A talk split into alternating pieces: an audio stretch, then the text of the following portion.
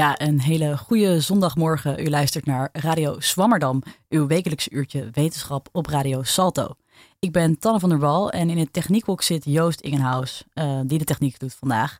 Het loopt net even anders namelijk, want door onze inmiddels bekende vriend corona zitten we zonder gast in de studio en zal ik jullie live door middel van een aantal vooraf opgenomen fragmenten wat bijbrengen over ontwikkelingsbiologie. Ja, ontwikkelingsbiologie dus. Uh, natuurlijk zijn we alle wel eens gebiologeerd door ontwikkeling. Uh, dat kan een persoonlijke ontwikkeling zijn op werk of op fysiek gebied, maar dat kan ook de ontwikkeling van je kinderen zijn. Um, maar zo keek iedereen ook de afgelopen tijd of twee jaar gebiologeerd naar de ontwikkeling van de coronapandemie.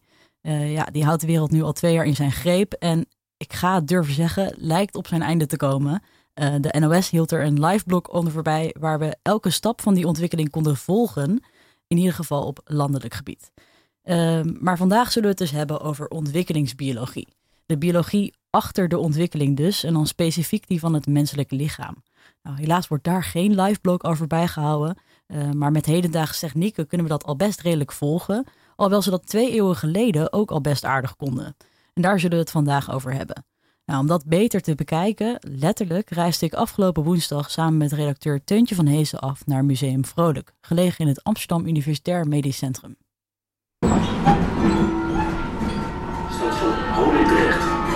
Universitair Medisch Centrum Amsterdam.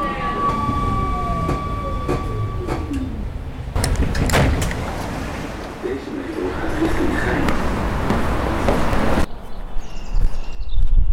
Ik loop hier met Teuntje en uh, op deze eerste, nou, toch wel wat zonnigere dag na al deze winterstormen de afgelopen tijd, uh, zijn we onderweg naar het Universitair Medisch Centrum, locatie AMC, voor het Vrolijk Museum. En daar uh, lopen nu.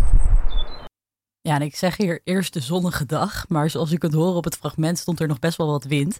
Maar zo reisden wij dus af naar Museum Vrolijk. En dat ligt in de Universitaire Geneeskundevleugel, uh, naast de collegezalen in het ziekenhuis. Nou, daar aangekomen uh, zijn we even gaan zitten met conservator Laurens de Rooij aan een royale houten tafel in een hoek achter in het museum. Met een fraai uitzicht op de vele glazen kabinetten met uitgestelde preparaten. En natuurlijk was onze eerste vraag: waarom zitten we in Museum Vrolijk? Of zoals ik dat meteen verkeerd al benoemde, het Vrolijk Museum. Laten we luisteren. Welkom. Dankjewel. Uh, we zitten in het Vrolijk Museum. Museum Uh, Vrolijk. Ja, Museum Vrolijk zitten we met. Ja. Ik heb het altijd het Vrolijk Museum Ja. genoemd. Ja, Eh. het is Museum Vrolijk. Net als Museum Boerhaven. Nou, we zitten hier in. Museum Vrolijk Ja. en we zitten met Laurens de Rooij aan tafel, eh, conservator van het Museum Vrolijk. Ja. Ehm, ja, wij vroegen ons eerst eigenlijk af, ja, Museum Vrolijk, we zeiden het net al, waar, waar komt die naam vandaan? Nou, het is een museum eh, dat is opgericht eh, als privémuseum eh, door vader Gerard Vrolijk en zijn zoon Willem in de 19e eeuw. Dus het is eigenlijk, ze hebben het museum naar zichzelf vernoemd. En dat gebeurde in die tijd wel vaker. Dat mensen ja, hun verzameling ja, hun eigen naam gaven. Dus origineel heette het dan Museum Frolicianum, het museum van Vrolijk. En eh, op die manier staat, stond het bekend en zo werd, bleef het ook bekend staan. Dus het is niet een vernoeming, maar eigenlijk gewoon eh, het feit dat die twee mannen dat naar zichzelf genoemd hebben. Ja, Museum Vrolijk dus, vernoemd naar de twee vrolijks die alle stukken verzamelden. Maar wie waren dat eigenlijk? Levensbericht van Willem Vrolijk. Willem Vrolijk werd op de 29 april 1801 te Amsterdam geboren. Zijn vader was Gerardus Vrolijk, zijn moeder die hij nog geen negen jaar oud zijnde verloor, Agnita Susanna van Walray. Over het oog van zijn beroemde vader bracht hij zijn jeugd door werd later voor hoger onderwijs voorbereid onder de leiding van den Utrechtse remonstrantenpredikant Van Teutem, ten wiens huizen hij als knaap enige tijd woonde. En genoot zijn eerste wetenschappelijke opleiding aan de doorluchtige school zijner geboortestad. Van Lennep, Van Capelle, Van Rossum waren met hem, die hij door een tweede huwelijk zijns vader zijn grootvader noemen mocht, den beroemden van Zwinden, de hoogleraren, wier lessen hij bijwoonde, behalve die van zijn vader, die door onderricht en voorbeeld bovenal op zijn vorming en de richting zijner studiën beslissende invloed had. Ja, dit was een fragment uit de eh, biografie over Willem Vrolijk, dat verscheen in het jaarboek van de Maatschappij der Nederlandse Letterkunde en werd geschreven door Jan van der Hoeven in 1864, een jaar na Willem Vrolijks dood. Mensen van aanzicht in die tijd dus. Beide werkende aan de universiteit, toen der tijd het Atheneum genoemd.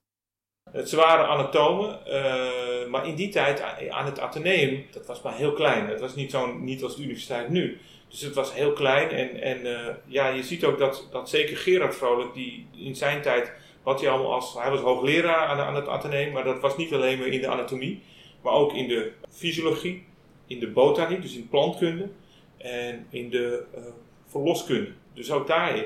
Dus dat is een heel breed ja, pakket eigenlijk aan, aan dat heet leeropdrachten, zeg maar.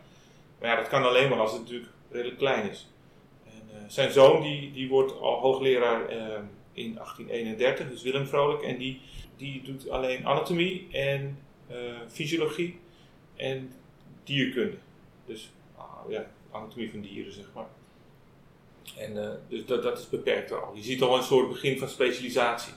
Wat nu natuurlijk heel normaal is, dat een hoogleraar, in, zeker hier in de geneeskundefaculteit, echt een super specialisme heeft, zeg maar. Nou ja, dat zie je mooi ontwikkelen in die 19e eeuw. Ja, en onze volgende vraag uh, aan Laurens was waar die collectie, die die Vrolijks toen dus inderdaad aan het verzamelen waren, destijds zichtbaar was. Het museum is, uh, nou, tijdens het leven van Gerard Vrolijk en Willem Vrolijk is het op twee plaatsen gehuisvest geweest. Eerst uh, in de binnenstad, echt, echt in de binnenstad, nabij het Rusland. Ik geloof dat het de ouderzijds Voorburg wel is, of, de, nee, ik weet het niet uit mijn hoofd. En later in 1817 verhuisde uh, Gerard Vrolijk naar een pand aan de Amstel. Een groot, groot huis aan de Amstel. En, uh, en daar, daar heeft het dan vooral gestaan. Dus ja, tot aan de dood van zijn zoon uiteindelijk. In 1863 is die overleden. En vanaf dat moment verhuist die verzameling en wordt die onderdeel van de verzamelingen van toen nog het Atheneum Illustre, wat later aan de universiteit wordt. Ja, de collectie zoals die nu is, uh, is dus best een redelijk groot museum. Um, hoe ontstond de collectie zoals we die nu eigenlijk uh, zien? Ja, want we zitten hier nu uh, in het AMC, dus het, een deel van het Universitair Medisch Centrum. Ja. Um, nou, om ons heen zien we heel erg veel potten staan vooral. Ze staan hier allemaal netjes in kasten. En ja. uh, op de achtergrond horen we ook een flink gesuis, denk ik, van... De luchtbehandeling. Lucht. Um, ja, hoe is die collectie ontstaan? Dus het is ontstaan als een privécollectie. Ja. Uh, nou, en toen, toen we dus, dus Gerard en Willem Vrolijk zijn begonnen.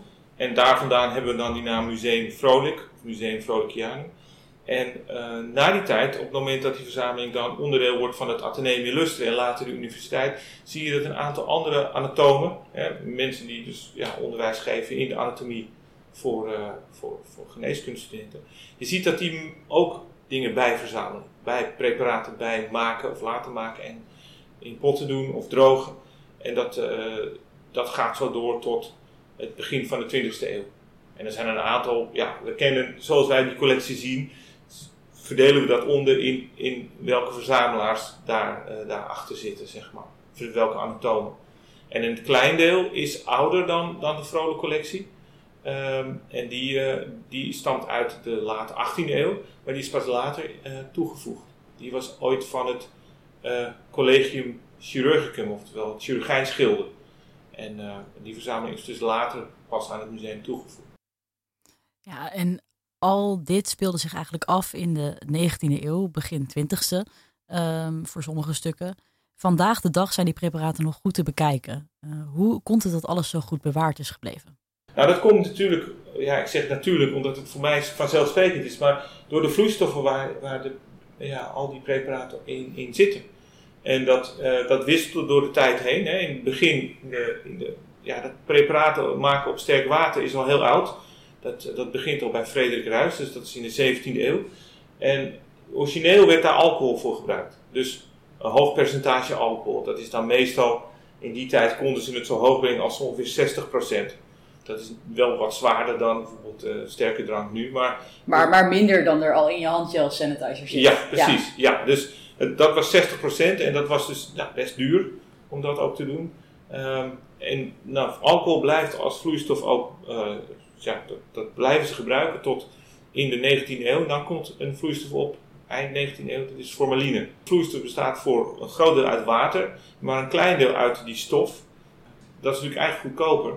omdat ja, voor een groot deel, ik geloof voor 96% uit water bestaat. En ehm, die vloeistof die wordt dan gebruikt, maar die vloeistof die hebben we later, eh, nou ja, begin, begin deze eeuw, allemaal vervangen door een vloeistof die Kaiserling heet.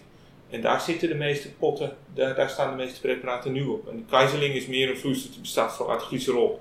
En ehm, ehm, het voordeel is namelijk, Kaiserling is niet giftig en formaldehyde, of formaline, is wel giftig. En dat, ja, dat, dat gaat dan vooral over als zo'n pot een keer breekt.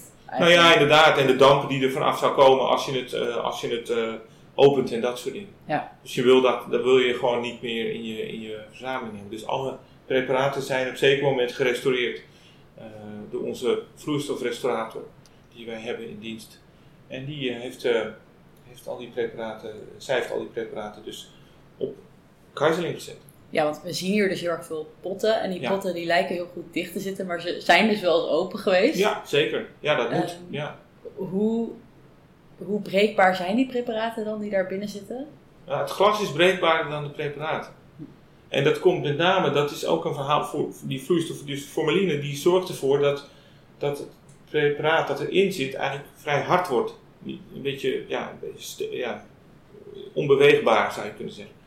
En uh, ja, dat maakt ook dat het vrij, ja, stevig is. Ja, dan hebben we het over wat grotere dingen. Dus heel kleine dingen zijn natuurlijk altijd kwetsbaar. Als je het hebt over een, uh, ja, heel klein spiertje of zoiets, of een zenuwtje, ja, dat blijft natuurlijk ook kwetsbaar als het op formaline staat. Maar, dus dat valt wel mee, maar het gas is met name kwetsbaar natuurlijk. Ja. Het is wel grappig, want als je er naar kijkt, als je iets in, in uh, vloeistof ziet dan krijg je het idee dat het heel week zou zijn. Maar dat, dat valt, valt erg mee. Het valt erg mee, ja. En er zijn zeker ook preparaten die heel kwetsbaar zijn. En daar moet je heel voorzichtig mee omgaan. Met name voor preparaten van hersens zijn kwetsbaar. Omdat, uh, omdat dat, ja, dat, ja, dat kan je bijna niet goed vastpakken. Uh, maar ja, grotere preparaten, nee, bijvoorbeeld zo'n die nieren of zoiets, dat, dat valt allemaal erg mee. Ja gaat wel goed. Ja, en van vele stukken is de afkomst dus nog onbekend. Um, en um, ja, de anatomen Gerard en Willem Vrolijk die verzamelden uh, die preparaten zorgvuldig um, en die werden goed bewaard. Uh, in het museum staan best veel foetussen onder andere met bepaalde misvormingen, uh, maar ook skeletten, organen en veel dierlijke stukken. hoe kwamen de Vrolijks nou eigenlijk aan deze stukken?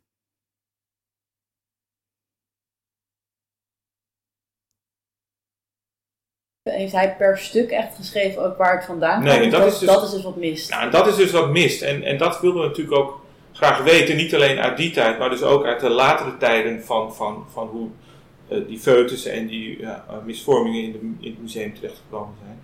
Ja, hoe ging dat dan? Hoe is dat proces geweest? En inderdaad toch ook van ja, was dat, uh, wat vonden de moeders daarvan? En we kunnen allerlei dingen aannemen. Je kunt zeggen, nou waarschijnlijk werd het gewoon meegenomen. Um, ja, dat vinden we natuurlijk niet, dat vinden we niet, niet netjes.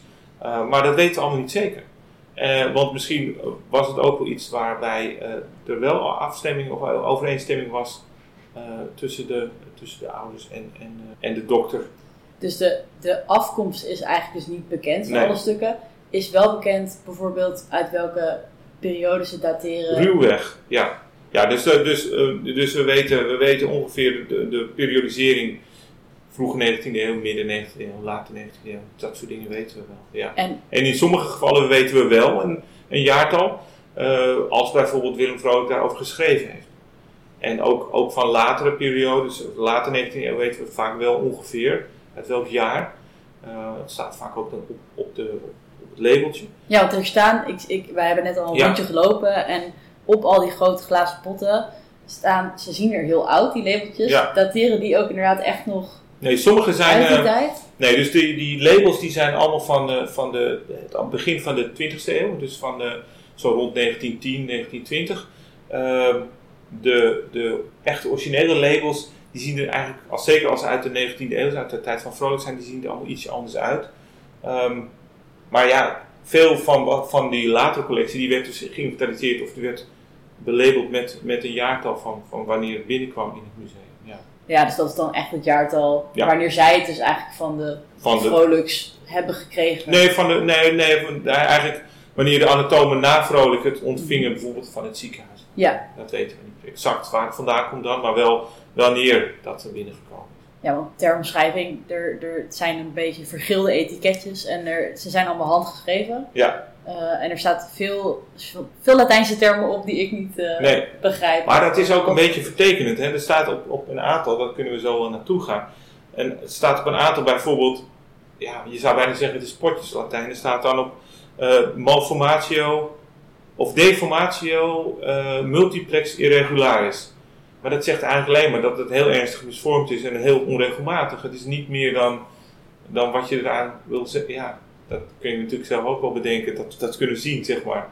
Maar verder weten we, weten, wisten ze toen echt niet wat het precies was, wat de oorzaak was. Ja, van vele stukken is de afkomst uh, en misschien dus de oorzaak van de misvormingen nog onbekend, of in ieder geval slecht gedocumenteerd. En uh, dit is een lopend onderzoek. Maar wat weten we over de visie van het volk op dit soort misvormingen destijds, uh, in een tijd waar velen sterk religieus waren?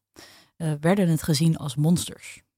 We zien hier ook vrij veel nou, jonge baby's, uh, embryo's, levens die misschien inderdaad nooit ja, levend geboren zijn. Um, hoe werd daar in die tijd naar gekeken? Want wij weten nu misschien dat het een afwijking is. Um, maar ik kan me voorstellen dat dat in de 19e eeuw nog anders lag. Ja, ja kijk, dat, nou, dat zijn natuurlijk een aantal dingen. Hè? Dus allereerst is natuurlijk, ja, hoe keken mensen vroeger aan tegen de geboorte van een, van een aangeboren afwijking? Een kind met een aangeboren afwijking, hoe werd dat gezien? Uh, dat begint ermee dat er natuurlijk tegenwoordig, uh, zeker door allerlei uh, technieken zoals echografie en zo, uh, je, je, een hele hoop ernstige aangeboren afwijkingen kunt, vroeg kunt opsporen, kunt detecteren. En dat konden ze vroeger natuurlijk niet. Dus dat betekent dat mensen bij de bevalling ja, te maken kregen met, met de geboorte van een, van een ernstig misvormd kind. En dat meestal ook doodgeboren werd. Hè? Dus dat, of, in ieder geval kort na de geboorte stierf. Ja, hoe keken ze daarna? Ik denk dat, dat, je, dat je onderscheid zou moeten maken tussen hoe de dokters en de anatomen als vrolijk daarnaar keken. En misschien ook wel hoe de, de moeders en misschien de vaders uh, daarnaar keken. En de mensen in de omgeving. Um, we zijn op dit moment bezig met, althans ik ben uh, co-promotor daarin, naar een onderzoek naar hoe dat precies in zijn werk ging. Wat was nou de opvatting van, uh, van, van, de, van de moeders? Uh, hoe ging dan zo'n foetus met misvorming of niet uiteindelijk kwam in de handen van die anatomen als vrolijk? Ja, hoe, hoe, zag dat in? Dus dat weten we niet goed, maar we kunnen wel voorstellen dat, dat, dat die moeder misschien wel ja, niet alleen maar verdrietig was vanwege het overlijden of iets dergelijks, maar misschien ook wel geschrokken van, zo'n van het feit dat een kindje ernstig misvormd was. Um, dat kan ik me voorstellen. Ja, want sommige van de misvormingen uh, die, die, we hier zien, ja, de luisteraars kunnen het natuurlijk niet zien, maar nee. uh, we, we, er zijn wat baby's die bijvoorbeeld uh, maar één oog hebben, baby's die uitstoppingen hebben aan kanten. Er, ja. er zijn misvormingen. Zonder Hoe werd daar ook vanuit geloof nou ja, dat is dus een van de dingen die we dus niet goed weten. En, en, en dat, dat zouden we goed in kaart willen brengen. Wat, wat, uh, hoe was dat bijvoorbeeld juridisch? Wat was, wat was dat uh, op het gebied van, van religie? Uh, wat we weten, wat onder andere Willem Vrolijk schrijft, hè, die zelf heel erg kijkt naar dit soort aangeboren afwijkingen als een biologisch fenomeen. Dat is best, je zou kunnen zeggen, modern. Die zegt, ja, heel vaak um, denken moeders, of dachten moeders, dat het hun eigen schuld was. Dat zij zelf schuldig waren aan de geboorte van zo'n misvormd kind. of dat er dat ze tijdens het, de zwangerschap ergens heel erg van geschrokken waren. Of dat ze um, misschien wel zondige gedachten hadden. Nou, dat hing af van de periode in het verleden natuurlijk. Uh, er werd natuurlijk ook wel eens nagedacht dat het te maken had met, met de duivel of met straf, weet ik veel wat. Er zijn allerlei, eh, zeker in de vroegmoderne tijd, allerlei ideeën daarover. Daar schrijft Vrolijk over en hij zegt, ja, dat is allemaal niet waar. Want, en daar had hij best een goed punt, hij zei, als ik kijk naar deze aangeboren afwijkingen, die bij de mens voorkomen, ik zie datzelfde soort, of ik zie diezelfde soort aangeboren afwijkingen ook bij dieren voorkomen. Cyclopie, één oog, komt ook bij lammetjes voor, heeft hij gezien, bij, bij varkentjes.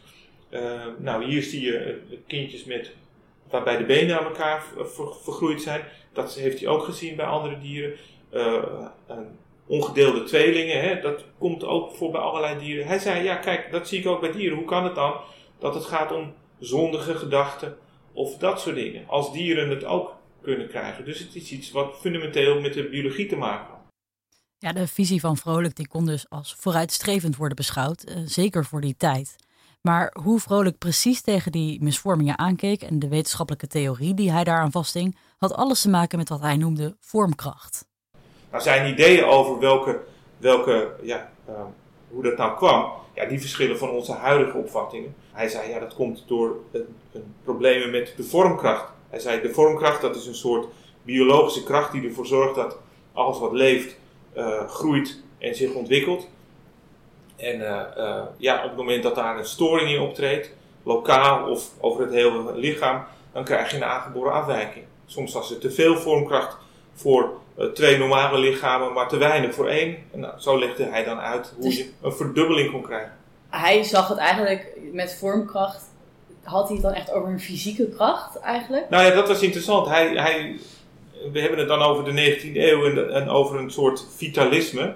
Eh, mensen in die tijd, veel onderzoekers, veel biologen en, en, en medici in die tijd, geloofden heel erg dat, een, uh, dat er de levende natuur fundamenteel anders was dan de levenloze natuur. In de levenloze natuur had je allerlei fysische krachten, zwaartekracht, noem maar op, en weet ik veel wat.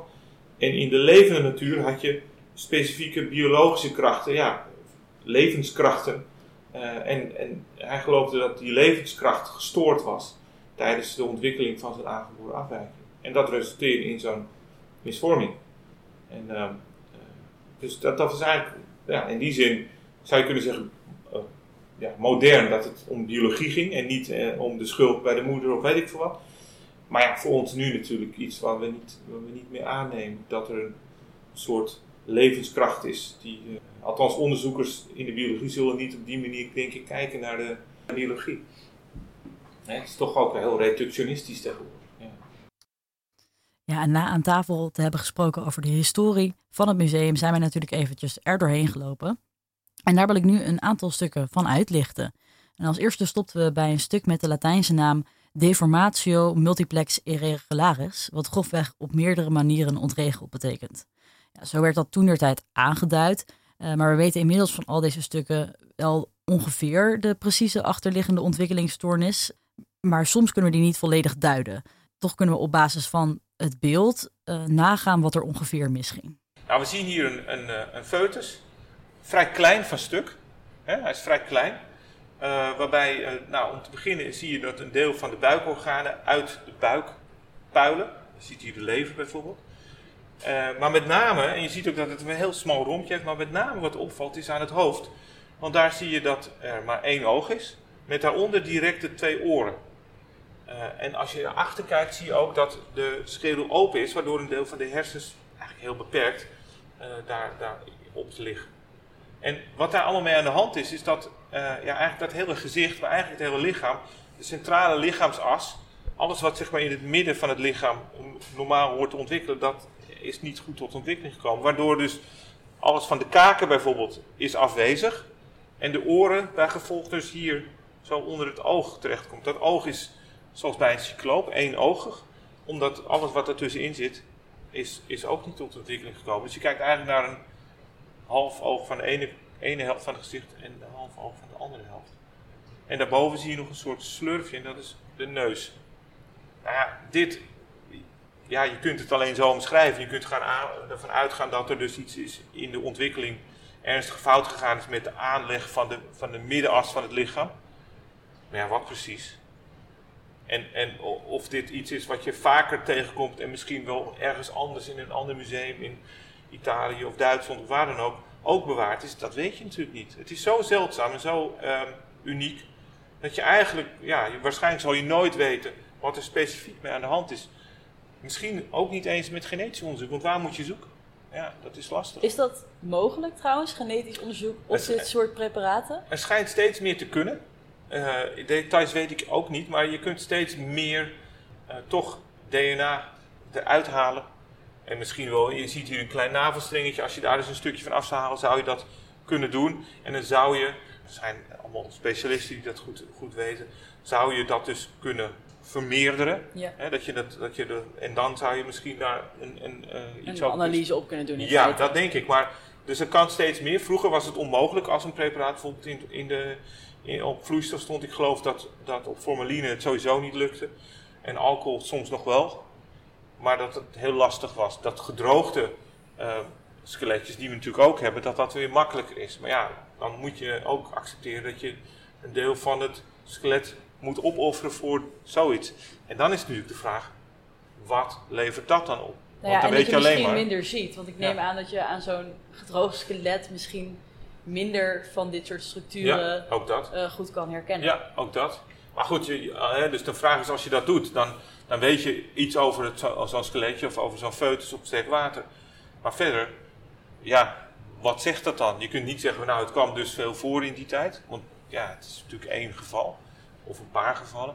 Dus het is, het is ook een vraag van wat, wat levert het je verder op, behalve dat het een soort verrijking kan zijn van, van kennis over je collectie. Ja, Want in die zin is dit dan in die zin uniek dat we dit soort deformaties dus nog kunnen zien. Want Ja. zoals je eerder al zei, dit wordt nu vaak op een eerder stadium al verwijderd. Eh, is dat ook waarom we geen nieuwe preparaten meer zien? Nou, sowieso wat wij hier. Kijk, in, in het museum laat vooral zien. Het is niet alleen een, een, een medisch museum met, met, met anatomische preparaten, maar het is natuurlijk ook een, een, in zekere zin een historisch museum. Dat laat zien hoe in de 19e eeuw met dit soort misvormingen, met aangeboren afwijkingen of sowieso hoe de anatomie, de stand van de anatomie in die tijd eruit zag.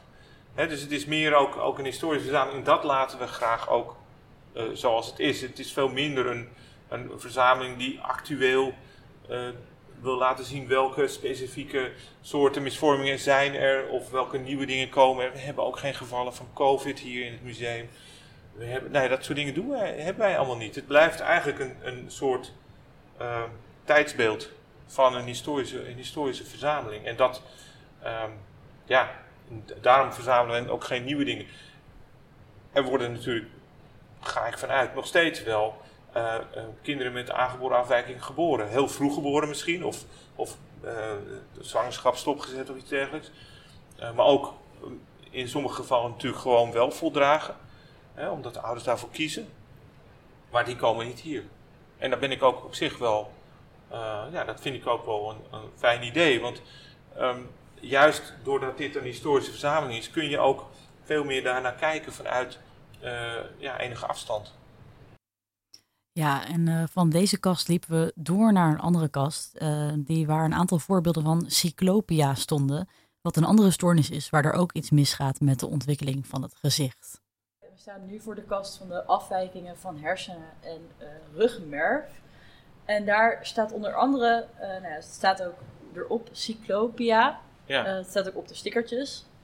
Ehm, ja, van deze afwijking, ja, het ziet er bijna een beetje als science fiction uit. Het zijn relatief grote baby's ook, met één oog in het midden. ja. Ja, wat gaat hier mis bij deze Ah, baby's? Het is een aangeboren afwijking van, in feite, van de, ja, de aanleg van de hersens. Vandaar dat ze dus bij de afwijking van hersens en ruggenmerg staan. En ehm, in feite wat er, wat er misgaat is dat de normale ontwikkeling van de hersens, in de grote hersens zeg maar, in twee hersenhelften. Hè, dus dat, is dat, dat je eigenlijk zoals bij ons, eh, dat die hersens op een gegeven moment in twee, twee, ja, twee hersenhelften splitsen. Ehm, dat proces vindt niet goed plaats.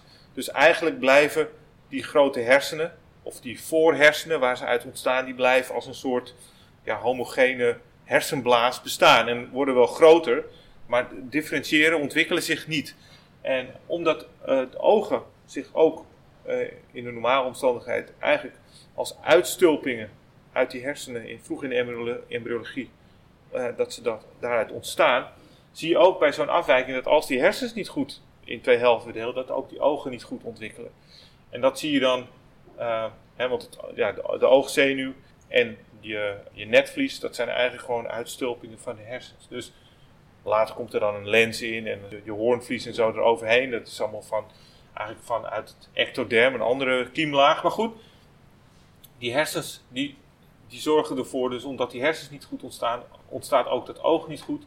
En dat is interessant, op het moment dat dat gebeurt, zie je dus ook dat nou, het botweefsel eromheen ook ja, dat eigenlijk volgt. En je ook aan die schedeltjes zie je dat bijvoorbeeld, dat je uh, ja, een vrij klein schedeltje hebt, met maar in het midden bijvoorbeeld maar één oogkas. Ja, want we kijken nu inderdaad, er staan op de middelste plank uh, een aantal potten met uh, de baby's. Nou ja, dan in dit geval niet meer sterk water, denk ik dus, maar ja, in potten. Ja. En daarboven staan wat schedeltjes. Die schedeltjes zijn inderdaad aanzienlijk kleiner. Nou, dat wordt vooral vervormd door het glas, denk ik. Ze staan in ronde potten. Dat is, en dat zorgt eigenlijk ook voor dat het wat groter lijkt. De hoofdjes van, van uh, die kindjes met, met cyclopie, of eigenlijk heet die afwijking officieel holoprosencephalie, maar goed, vergeet dat anders. Die, die, die, uh, die kindjes die hebben een vrij smal en klein hoofdje. En je ziet het, ja, je ziet het hier misschien wel een beetje aan. En dat, dan kan je ook zien, kijk daar zie je de schedel van een normale pasgeboren kindje. En je ziet dat eigenlijk alle schedeltjes van die cyclopen, die zijn smaller. Ja, die zijn bijna 50% kleiner. dus ook hierbij is dus weer datgene wat in het midden van het, van het gezicht normaal hoort te ontwikkelen, is er niet. En dan krijg je eigenlijk dus ook dat het hoofdje wat kleiner is. Ja, misschien een uh, voorbeeld dat wat meer tot de verbeelding spreekt bij mensen is die van de Siamese tweeling. Uh, we liepen naar een kast met een aantal kleine skeletjes, niet groter dan die van een baby, die op verschillende manieren aan elkaar vastzitten. Uh, laten we luisteren. Er staan twee kasten ook met Siamese tweelingen. Ja. En nou, daarin zie je dan, wat je al zei, eigenlijk die gedroogde preparaten liggen. Dus er staan wat skeletjes. Wat ons opviel is dat die Siamese tweelingen in elk geval, we kijken nu naar zes skeletten, eigenlijk op een ander punt aan elkaar zitten. Ja. Dus er zijn een paar waar ze nou ja, alleen met de ribben aan elkaar zitten. Er is er eentje waar zelfs de schedel aan elkaar gegroeid is. Is het bekend hoe dat ontstaat? Hoe het komt dat ze dus op verschillende punten. Er zijn wel wat theorieën daarover. Is dat er in een vroeg stadium, maar net later dan dat een normale tweeling, uh, een een-eigen tweeling ontstaat. Hè, waarbij je ook het moment hebt dat een, dat een ja, bevruchte eicel op een laat moment twee deelt, maar verder als twee individuen doorgaat. Hè, dat, dat, is, dat is hoe een, hoe een normale uh, één-eigen tweeling dan zou ontstaan. Als dat op een nog later moment plaatsvindt, dat die twee, die twee eh, vroege embryonale schijven, hè, dus het embryo ontstaat eerst als een, als een plat schijfje, dat die twee schijfjes te dicht tegen elkaar aan liggen of te dicht bij elkaar zijn, niet ver, ver genoeg van elkaar en dan verder ontwikkelen ehm, eigenlijk met elkaar vergroeit. Uh, en dat het te maken heeft met een vrij laat moment van, van, van, eigenlijk van opdeling. En dat is dan dus eigenlijk net welk moment dat net was. Ja. Uh, en, ja bijna toeval En wat nou de oorzaak is van dat dat, dat gebeurt, ja, dat weet ik ook niet. Maar dat, dat, dat is een van de, van de theorieën. Uh, het blijft lastig omdat je natuurlijk verschillende perspectieven hebt op, op die, die tweelingen. Hoe ze vergroeid zijn. Soms zijn ze, in, in veel gevallen zijn ze met de borst of buik vergroeid. En dan zelfs ook met het hoofd erbij. Dus je zou kunnen zeggen met de voorkanten van het lichaam. Die zie je daar, die, die drie skeletjes onder andere. Uh, en, en deze heeft dat ook. Maar er is ook een, situatie waarbij ze juist met de zijkanten met elkaar vergroeid zijn. En daar waar ze met de voorkanten vergroeid zijn, dan zie je altijd dat het aantal armen en benen ja, verdubbeld is. dus het gaat om twee individuen, dus je hebt vier armen en vier benen. Maar op het moment dat ze met de zijkanten vergroeid zijn, dan zie je eigenlijk dat het aantal ledematen eh, afneemt. Of dat er minder ledematen zijn. In dit geval zie je bijvoorbeeld gewoon twee armen en twee benen, maar wel twee uh, wervelkolommen en twee hoofden. Uh, dus dat is. Hoe komt dat nou dat in de ene situatie je dus gewoon een verdubbeling hebt van, van armen en benen, in de andere situatie juist een een afname of iets, eh, gewoon dat er minder is. Dus dat is, dat is interessant. Ja, dat zijn nog steeds vragen waar we natuurlijk wel mee zitten. Over het ontstaan van, uh, van dit soort uh, ongedeelde tweelingen. En je ziet ook, hè, vrij veel ervan zijn die, die vergroeid zijn met de buis, buik en de borst. En dat zijn natuurlijk ook tweelingen, zeker wanneer dat minder ernstig is, waarvan je zou kunnen zeggen, in, in deze tijd zouden die kinderen misschien wel in leven kunnen blijven. En, ja, en dan zou dat chirurgisch bijvoorbeeld, ja. met elkaar gaan ja, worden. Ja, bijvoorbeeld. dat, dat gaat ook lang niet altijd, geloof ik. Zeker niet als ze bijvoorbeeld zoals daarboven uh, met de hoofden alleen met elkaar vergroeid zijn. Dat is natuurlijk best lastig. Ja, we vroegen conservator Laurens de Rooij natuurlijk ook wat zijn eigen favoriete stuk uit de collectie is. Uh, dat is een lastige vraag, maar dat leidde ons naar een grote houten kast aan de zijkant van de museumzaal. Nou, we lopen er nog heel eventjes uh, verder doorheen. Ja, we, we lopen langs uh, foetussen, um, delen van een zwangerschap. Ik vroeg me eigenlijk af, wat is jouw favoriete stuk uit de hele collectie? Ja, dat weet ik dus. Want daar hadden we het net ook over. Toen zei van ja, daar kan je alvast nadenken, maar dat heb ik natuurlijk weer niet gedaan. Nee. Ik heb natuurlijk niet goed nagedacht over wat mijn, wat mijn favoriete stuk is. En um, ik denk dat ik, dat ik eigenlijk, dat mijn voorkeur uitgaat naar, um, ja, eigenlijk naar één complete soort collectie. Nou, we lopen eventjes erheen. We, lopen erheen, we staan er nu voor. Kast. Als je het zo zegt, is het ja. niet interessant.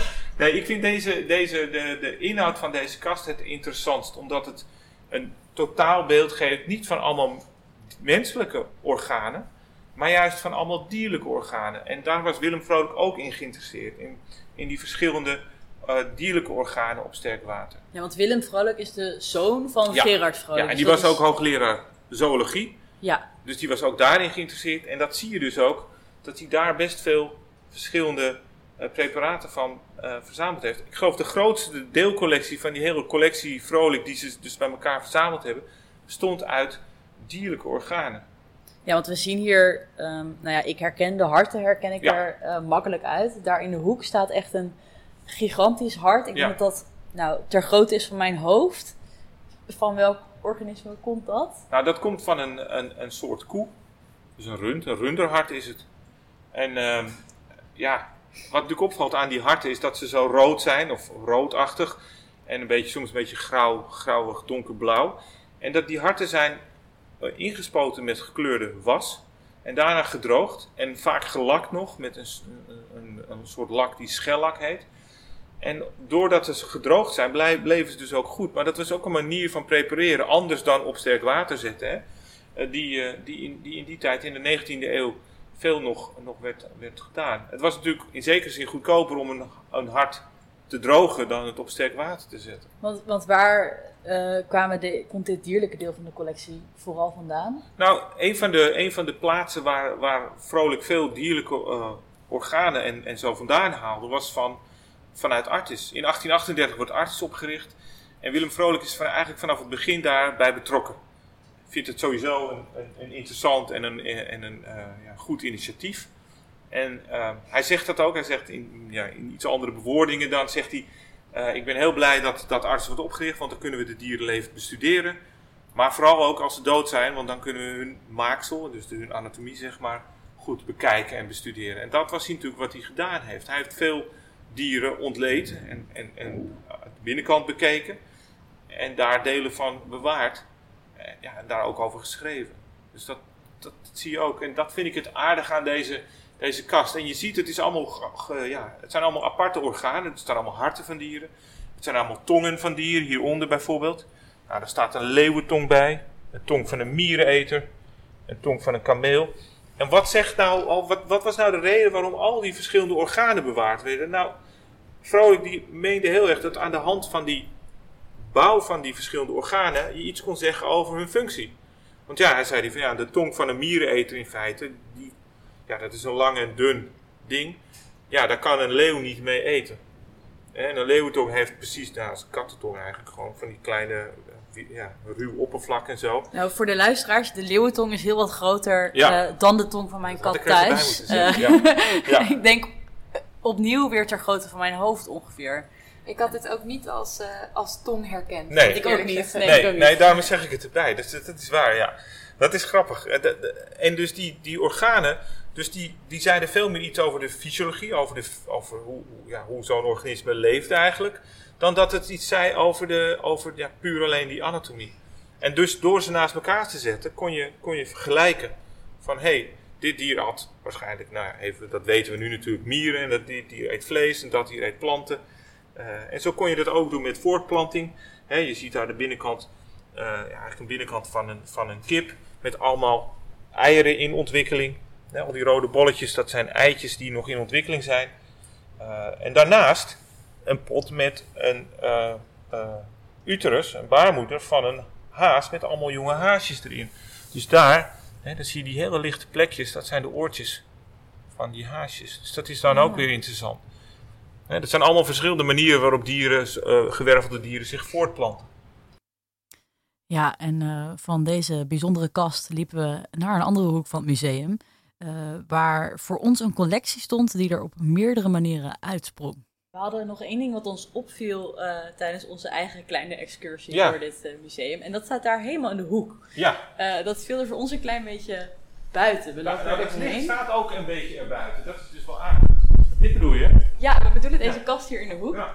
Ehm, wij namen aan, want het, het zijn ook een aantal potten, maar het zijn wat plattere potten eh, waar bijna een soort canvasjes in lijken te zijn gespannen. Ja, Ehm, maar toen we die beter inspecteerden, denken wij dat dit tatoeages zijn. en dat heb je, ja, dat klopt. Dat heb je goed gezien. Is Ja. dit oorspronkelijk ook van die Vrolijk collectie? Voor een deel. En dat is, er zitten meerdere interessante kanten aan deze. Daarom hebben we ze ook apart gezet. Er zitten meerdere interessante kanten aan deze tatoeages op sterk water. Een aantal komen uit de, uit de originele Vrolijk collectie. Dus die zijn door, door, eh, door Gerard of Willem op sterk water gezet. Deze bijvoorbeeld is dat. En het aardige daarvan is, het is niet alleen maar een stukje huid op sterk water, maar het is natuurlijk ook een tijdsbeeld. Want hier zie je ehm, een klein oranjeboompje met daarnaast de tekst Vivat Oranje. Dus dit is een ta- tatoeage van iemand uit rond 1800 die een aanhanger was van het Huis van Oranje. Dat betekent, toen was er nog geen koningshuis hier. Eh, in Nederland wa- waren de meningen verdeeld. De ene helft wilde dat, er een, dat de, het Huis van Oranje terugkeerde naar Nederland en hier koning werd. De andere helft wilde een republiek. En ja, blijkbaar was hier een, eh, een aanhanger van het koningshuis. eh, die had dat dus op zijn arm of zo, ik weet niet precies waar, getatoeëerd. Misschien hier zijn schouder. En eh, dat maakte dus zowel een, een tijdsdocument, eh, als, als dat het eh, natuurlijk ja, een preparatie op sterk water is. En zo zijn er wel meer van dat soort. En later werd dat ook gedaan, dus dit zijn wat latere tatoeages. En iedere tatoeage laat iets zien over die tijd. Ja, want we zien verschillende dingen. Ik zie iets wat volgens mij op een schip lijkt, Ja. maar ik zie bijvoorbeeld ook twee keer een hartje met een pijltje Ja, eh, er doorheen staan. ja, symbolen van hoop en, en trouw en liefde. Dat soort dingen inderdaad. Dus ja, dat is natuurlijk wat, me- wat mensen bezighield. Dus het laat ook iets zien wat de mensen, en in die tijd waren het vooral, eh, in, in West-Europa althans, vooral eh, zeelui of soldaten die tatoeages zetten. Niet zoals nu iedereen zo'n beetje, ministers. Dat is natuurlijk, ik weet niet of Rutte al een tatoeage. Nou goed. Dus dat weten we, dat, dat was toen echt wel anders. En hè, dat dit bijvoorbeeld echt een zeemanstatoeage is, kan je zien aan het feit dat er een schip op staat. Maar ook dat je daar vrouwen Fortuna op de wereldbol ziet. Hè, die vrouwen Fortuna op de bal met zo'n soort banier. Dat is echt een teken van, eh, ja, van voorspoed. De, de wens dat, dat vrouwen Fortuna je gunstig gezind was. Want die had die windvaan en die zorgde ervoor dat ze ja, je de juiste kant op stuurde. Daar was je aan overgeleverd op het schip. Hè, dat zie je, hier zie je dat ook een beetje. Dus dat, dat speelde heel erg mee. Ja, en hier ook weer een vlag van, eh, van de, of de Nederlandse vlag. Dus dat soort dingen zie je. Een soldaat hier. Dat, zijn allemaal de. En deze is natuurlijk ook interessant. Want hier staat op Atje. En de 1873. En dat is het eerste jaar van de Atje-oorlog geweest. Dus dat was, dit is dus in die zin een koloniale tatoeage. Dus van iemand die ehm, waarschijnlijk als knilsoldaat daar eh, gediend heeft. Dat maakt zo'n tatoeage-serie best, in, be- ja, tijdsdocumenten. En tegelijkertijd is het interessant omdat je je ook kan afvragen dat die anatomen, die, die in feite zou zeggen dat ze wat ze op sterk water zouden zetten, alleen maar eh, relevant is voor, voor de wetenschap of voor de didactiek of iets dergelijks, voor het onderwijs. Dat ze toch ook dit soort dingen niet lieten liggen. Dat ze dachten, ja, dit ziet er zo bijzonder uit. Eigenlijk een soort rariteit die we toch ook bewaren. Ja, en dat riep natuurlijk bij ons de vraag op: staan er nog meer rariteiten in dit museum? En zo werden we van de ene hoek naar de andere hoek geleid, waar een glazen kast een vreemde collectie aan voorwerpen belichtte. We zijn ehm, nu eigenlijk naar de andere kant van het museum gelopen, naar de rariteiten. Ja, Ehm, nou ja, ja, ik zie een hele grote collectie aan verschillende dingen hier eigenlijk vooral. Ja, en eigenlijk is dat ook, want ik noemde net inderdaad bij die tatoeages het feit dat ze iets verzamelen omdat het bijzonder is. Een bijzonderheid of een rariteit of iets dergelijks. Ehm, maar dat is natuurlijk eigenlijk niet juist, want het rariteitenkabinet. En heel veel mensen denken, zo'n museum Vrolijk is een rariteitenkabinet. Maar eigenlijk is een, de term rariteitenkabinet is beperkt tot verzamelingen uit de vroegmoderne tijd. Dus dat zijn die verzamelingen van het moment vanaf de 15e, uh, 16e eeuw dat mensen, dat Europeanen ja, de wereld overgingen, begonnen te gaan. En in allerlei continenten allerlei bijzonderheden zagen en die in kaart proberen te brengen. Maar ook dingen van thuis, hè? dingen die, die, die vreemd waren, die, die gewoon uh, wij spreken bij de buurvrouw plaatsvonden. Dat soort dingen werden allemaal bewaard en verzameld. En op die manier probeerden ze, uh, de achterliggende gedachte was, om, om, om Gods schepping in kaart te brengen. Te begrijpen wat precies zo'n beetje zijn uh, wetmatigheden waren. Hè? De God, of, uh, God had, een, had natuurlijk ja, de Bijbel geschreven, daar kon je eigenlijk zijn, zijn hele plan uit, uit opmaken. Maar de natuur was een tweede boek dat je kon, kon proberen te lezen en te begrijpen. En door dus alles te verzamelen kon je daar dus grip op krijgen. En dat betekende dat er van alles en nog wat bij elkaar gebracht werd. En nou ja... Nou, hier, laten we er eentje uitlichten. Nou ja, hier staat inderdaad een hele op. Dit is, dat moet ik erbij zeggen. Dit is een, niet een origineel rariteitenkabinet. Hier staan gewoon een aantal dingen uh, die ik hier neergezet heb om, om samen te brengen om het beeld van zo'n kabinet te geven. Onder andere dus die twee blaasstenen hier. Dat zijn stenen uit de urineblaas van een vrouw in, in, in het ene geval en een man in het andere geval. Even ter illustratie, ze zijn gigantisch, ter grootte van een vuist. Ja, precies. Die grootte is ter grootte van een vuist. Die zat dus in de urineblaas bij iemand. Die is er uitgesneden, dat moest ook, want ja, op een zeker moment kon je natuurlijk niet meer plassen. Die operatie was pijnlijk, die operatie was gevaarlijk. Um, mensen overleefden dat vaak niet en dat was ook in dit geval zo. Na de, na de operatie is die persoon toch overleden. Maar zo'n grote blaassteen, ja, die werd dan in dit geval, zie je het ook, die werd dan in metaal gevat en uh, ja, bewaard. Of het nou als amulet was, of dat het uh, meer voor de chirurgijn die hem gesneden had om te laten zien, kijk eens wat een grote blaassteen dit is. Dat weten we niet.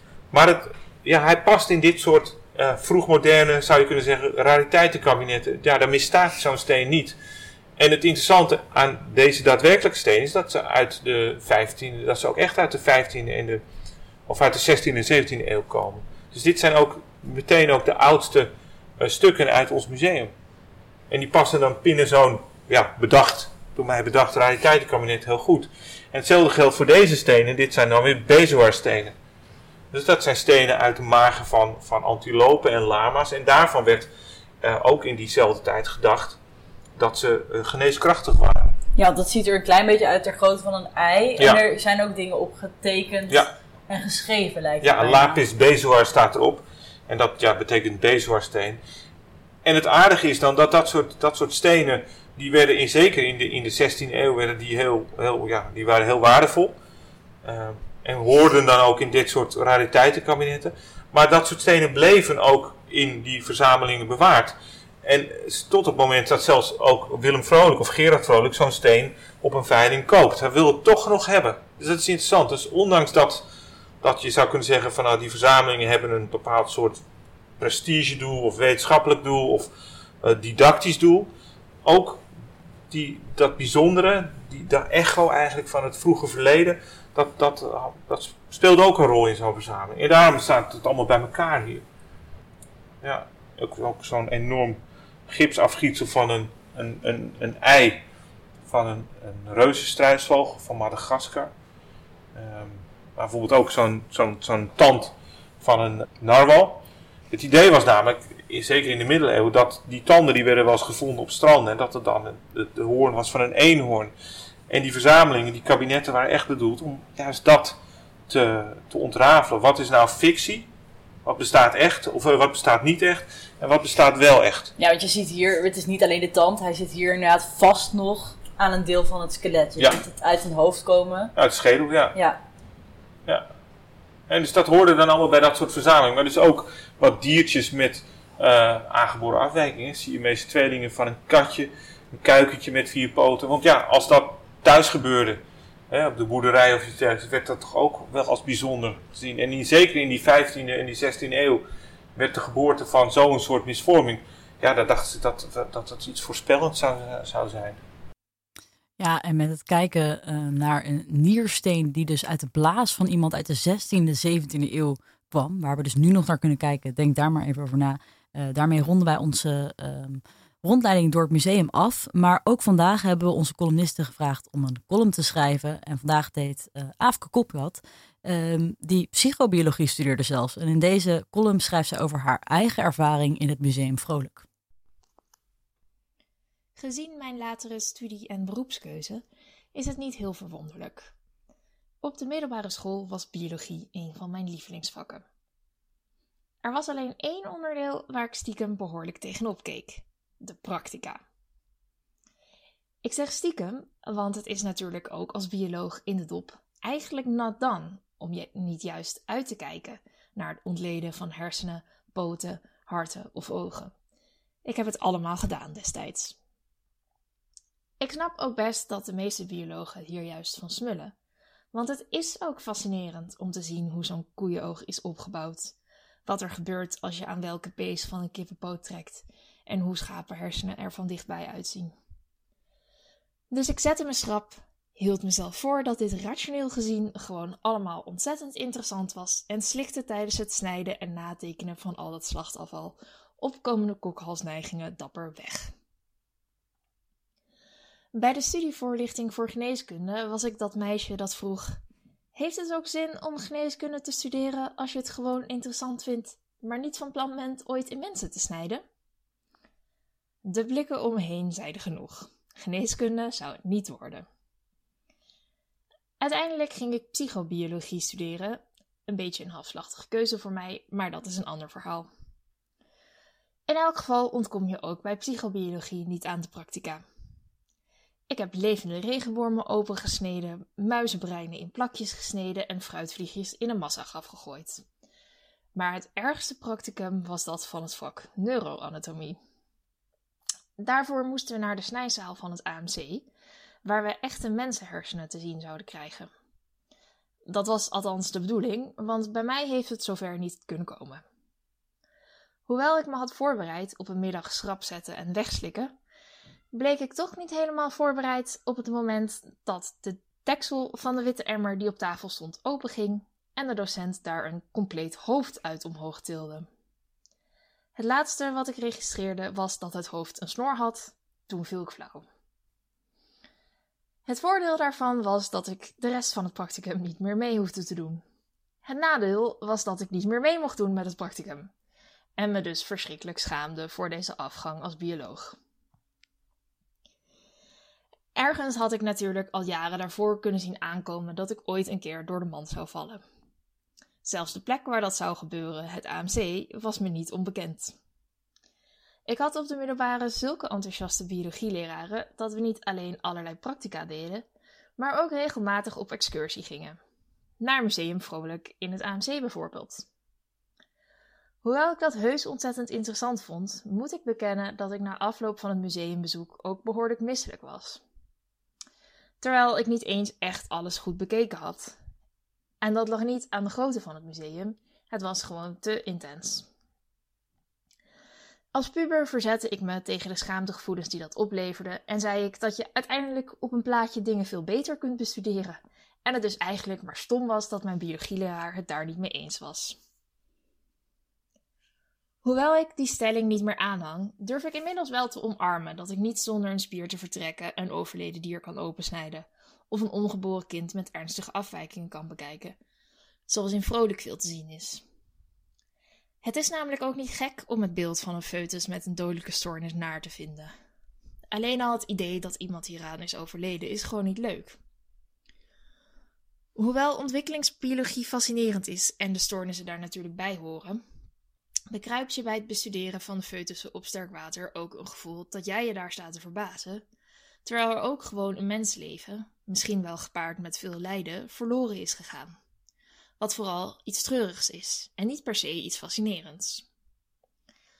Hoewel misselijkheid daar misschien niet per se het meest gepaste gevoel bij is, helpt het mij wel om daarbij stil te staan. Dat ik weerstand voel om in een dier of een deel daarvan te snijden, is op dezelfde manier eigenlijk ook niet gek. En misschien ook wel goed. Het is nu eenmaal niet zomaar een plaatje uit het boek. Die weerstand hoeft niet iets slechts te zijn of beschamend voor een bioloog. Het kan ook helpen om te beseffen dat dode dingen ooit levend zijn geweest. Daar even over nadenken is denk ik alleen maar mooi. Zeker voor een bioloog. Ja, dankjewel Afke voor deze uh, mooie column. Ik uh, moest er persoonlijk een beetje om lachen, omdat ik dus inderdaad precies diezelfde scholier was die die uh, vraag stelde bij de geneeskundevoorlichting. Maar Afke vraagt hier zich wel terecht af waarom je dergelijke dingen niet van een tekening kan bestuderen. En ook dit vroegen we aan Laurens de Gooi. Waarom werd er in die tijd, als het zo duur was ja. om het dus op sterk water te zetten, waarom werd het niet nagetekend? Nou, dat werd in sommige op, uh, soms wel gedaan. dus Vrolijk heeft onder andere van zijn aangeboren afwijkingen, die, die, die hij en zijn vader in de, de loop der tijd verzameld hadden, een soort atlas gemaakt. Uh, van 100 platen met nou, vooral zijn eigen, de, de, eigen collectie. En ook inderdaad om te laten zien aan de wereld: kijk, dit, dit, zijn, allemaal, dit zijn al de misvormingen die we hebben. En hier denk ik op die manier over na en, en, dat soort dingen. Dus dat heeft hij wel gedaan. En hij heeft het ook wel gedaan met met bijzondere dieren die hij uh, voor het eerst ontleden. Waar hij een van de eerste was die dat deed. Bijvoorbeeld een bepaald soort varken uit Celebes. Uh, Babirusa heet dat. Dat is een varken waarbij de slagtanden uh, van de bovenkaak door het neusbot heen omhoog groeien. Daar heeft hij ook een uitgebreide beschrijving van gedaan. Maar nooit, hij heeft het nooit van een complete collectie gedaan. Nee, misschien had hij geen tijd, ik weet het niet. Ja. Maar we spraken ook over het gevoel dat bij het kijken naar zo'n collectie om de hoek komt. Want hoe Aafke beschreef misselijk te zijn na bezoek, zo voelden wij juist meer afstand door de oude collectie. Wij liepen hier uh, eerder, voordat we dit gesprek voeren, uh, hebben wij al even door het museum heen gelopen. En toen zeiden we dat als je naar deze preparaten kijkt, je hebt bijna soms niet het gevoel dat je naar, um, na, dat je naar een baby kijkt eigenlijk. Ja, en dat komt denk ik ook door de, want dat is ook mijn e-, emotie in zekere zin Ehm, dat komt door verschillende dingen. En dat komt onder andere ook doordat zo'n preparaat natuurlijk al heel lang uh, op sterk water staat. Uh, en, en dat doet ook iets met, met de kleur, bijvoorbeeld. Uh, ja, want en, en, voor de luisteraars, de kleur is een beetje geel blekig, Ja, ja, ja. blekig. De meeste, eh, maar ook, ook, de, ook de preparaten van, van bijvoorbeeld van, van hersens of waar dan ook. Dat, zijn allemaal heel erg bleek. En dat komt omdat die vloeistoffen die ontkleuren uh, zo'n preparaat op, na, na verloop van tijd. En ja, dat, is, dat zorgt ook voor een extra, zou je kunnen zeggen, een extra distantie. Dat, dat, je, ja, je, omdat het, het, daardoor veel minder als, een, als een, ja, iets menselijks kunt zien. En ja, zeker een, een, kindje met een, een ernstige aangeboren afwijking als bijvoorbeeld anencefalie, waarbij eigenlijk de hersens niet gevormd zijn. Ja, dat ziet bij de geboorte best beetje bloederig uit met, met, met vlies, met, met en dat soort dingen. Nou, hier zien ze er veel verbleekter en veel, veel ja, maar zou ik zeggen, rustiger uit. En ik kan me voorstellen dat dat net even iets minder confronterend is. Denk ik. Dat hangt ook van de persoon af en dat is voor iedereen verschillend. De een vindt het eigenlijk vooral uh, uh, verschrikkelijk of, of, of droevig. Een ander vindt het interessant. Dus het hangt ook wel met welke blik je natuurlijk, uh, daar hangt het vanaf met welke blik je naar, naar onze collectie kijkt. Ja. Ja, en uh, met die woorden wil ik deze bijzondere aflevering van vandaag graag afsluiten. We bespraken de historie van de ontwikkelingsbiologie aan de hand van een aantal stukken uit de Vrolijk collectie. Ik wil Museum Vrolijk hiervoor speciaal bedanken en ook conservator Laurens de Rooij voor het mogelijk maken van deze uitzending. Heeft dit nu je interesse gewekt? Neem dan vooral even een kijkje op de website van www.museumvrolijk.nl of bezoek het museum. Dat kan op werkdagen tussen 11 en 17 uur. Ik wil ook graag redactieleden Teuntje van Hezen en Joost Ingenhaus bedanken. Mocht je willen reageren op deze uitzending, dat kan via social media, Facebook, Twitter en Instagram, Radio Swammerdam. Maar je kunt natuurlijk ook ouderwetse mailtjes sturen naar redactie.radioswammerdam.nl. Deze aflevering is terug te luisteren op al je favoriete podcastplatforms zoals SoundCloud en Spotify.